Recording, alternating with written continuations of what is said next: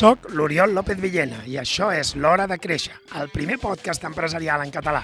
Cada setmana parlem de com desenvolupar estratègies de creixement i executar prioritats per assolir els teus objectius. Segueix escoltant si busques idees, històries i experiències que t'ajudin a gaudir d'un negoci més rendible i divertit de dirigir.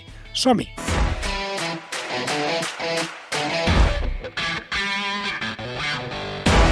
Parlem ara d'empresa i ho fem amb l'Oriol López Villena, que és autor del llibre Creix i Prospera. Oriol, molt bon dia. Bon dia. I, escolta'm, estem tots fent, fent números perquè ara toca la declaració de la renda, l'impost sobre societats i, i no volem pagar impostos, o almenys és el que pensem, no? Clar, Normalment sí. la gent diu és que no vull pagar tants impostos.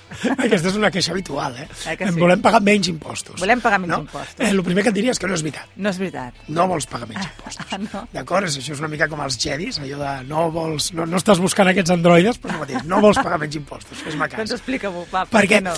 eh, Noemí, mira, jo, si, si jo ara et digués, tinc una manera brillant de que paguis menys impostos com a empresària, que és t'enviaré una factura de 100.000 euros meva, me la pagues, i, i pagaràs menys impostos. Tu què em diries? Home, que no, que no vull pagar-te tant perquè és que no, no cal. No? Però pagaràs menys impostos. Ja, ja t'entenc. Però el que tu vols segurament són més diners. Exacte. D'acord? Per tant, tu no vols pagar menys impostos perquè llavors, bàsicament, la millor manera és gastar més, és gastar més.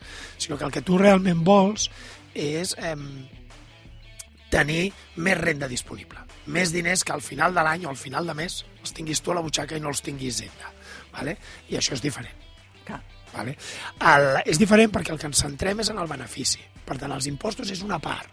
És important planificar amb l'assessor fiscal de manera que paguem els mínims impostos possibles dins de la llei? Sí. És a dir, intentar aprofitar el màxim de, de, d'avantatges que hi pugui haver, cada cop n'hi ha menys, d'acord?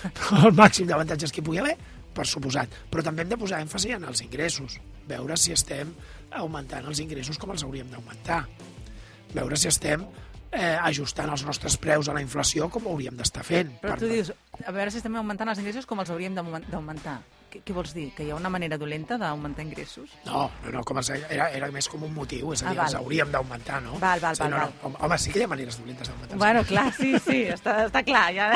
Però- Sempre hi ha una cara una Però cara sempre aquí de parlem de la coses legals, no? Legal. Llavors, augmentar els ingressos. Hem de veure com augmentar els marges de l'empresa, perquè els diners que et queden a final de- d'any és el resultat d'uns ingressos menys unes despeses. Per tant, hem de tenir at- atenció a les despeses que tenim, tant a casa com a l'empresa, no? veure quines són les necessitats fonamentals que tenim, quines despeses són d'estil de vida, quina part volem estalviar... Tot això és important a l'hora de tenir més diners. I els impostos formen part de l'equació, però no són la, la, la part fonamental d'aquesta. Exacte, no són el principal motiu de, de que les coses vagin malament. Bueno, és allò que a vegades es diu que lo, lo important a vegades no són les eines, sinó el, el, el, la causa, d'acord? Llavors, a vegades es confonen.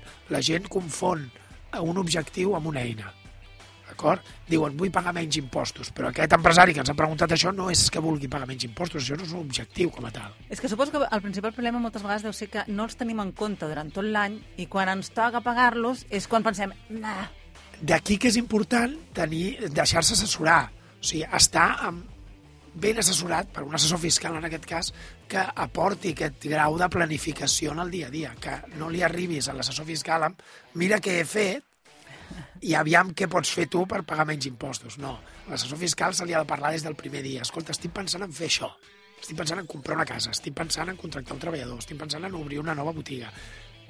Pots tu posar-te les ulleres d'assessor fiscal i veure on De- estaran eh, després Els el recàrrec, exacte, on m'aniran els diners després Ah, quan exacte. hagi de fer la declaració de la renda Aquesta o la hagi idea. de pagar l'impost sobre societats. Per tant, no, no vols pagar menys impostos. No, exacte, doncs va, uh, tens tota la raó. No volem pagar menys impostos i estarem pendents de com fer-ho bé per pagar el que toqui, però guanyar diners. Ah, exacte. Eh? Ara ho hem dit bé.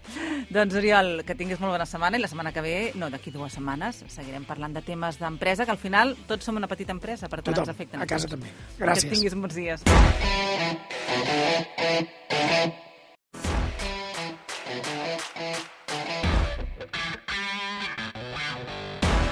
Gràcies per acompanyar-me en aquest episodi de l'Hora de Créixer. Si t'ha agradat, ja saps què has de fer.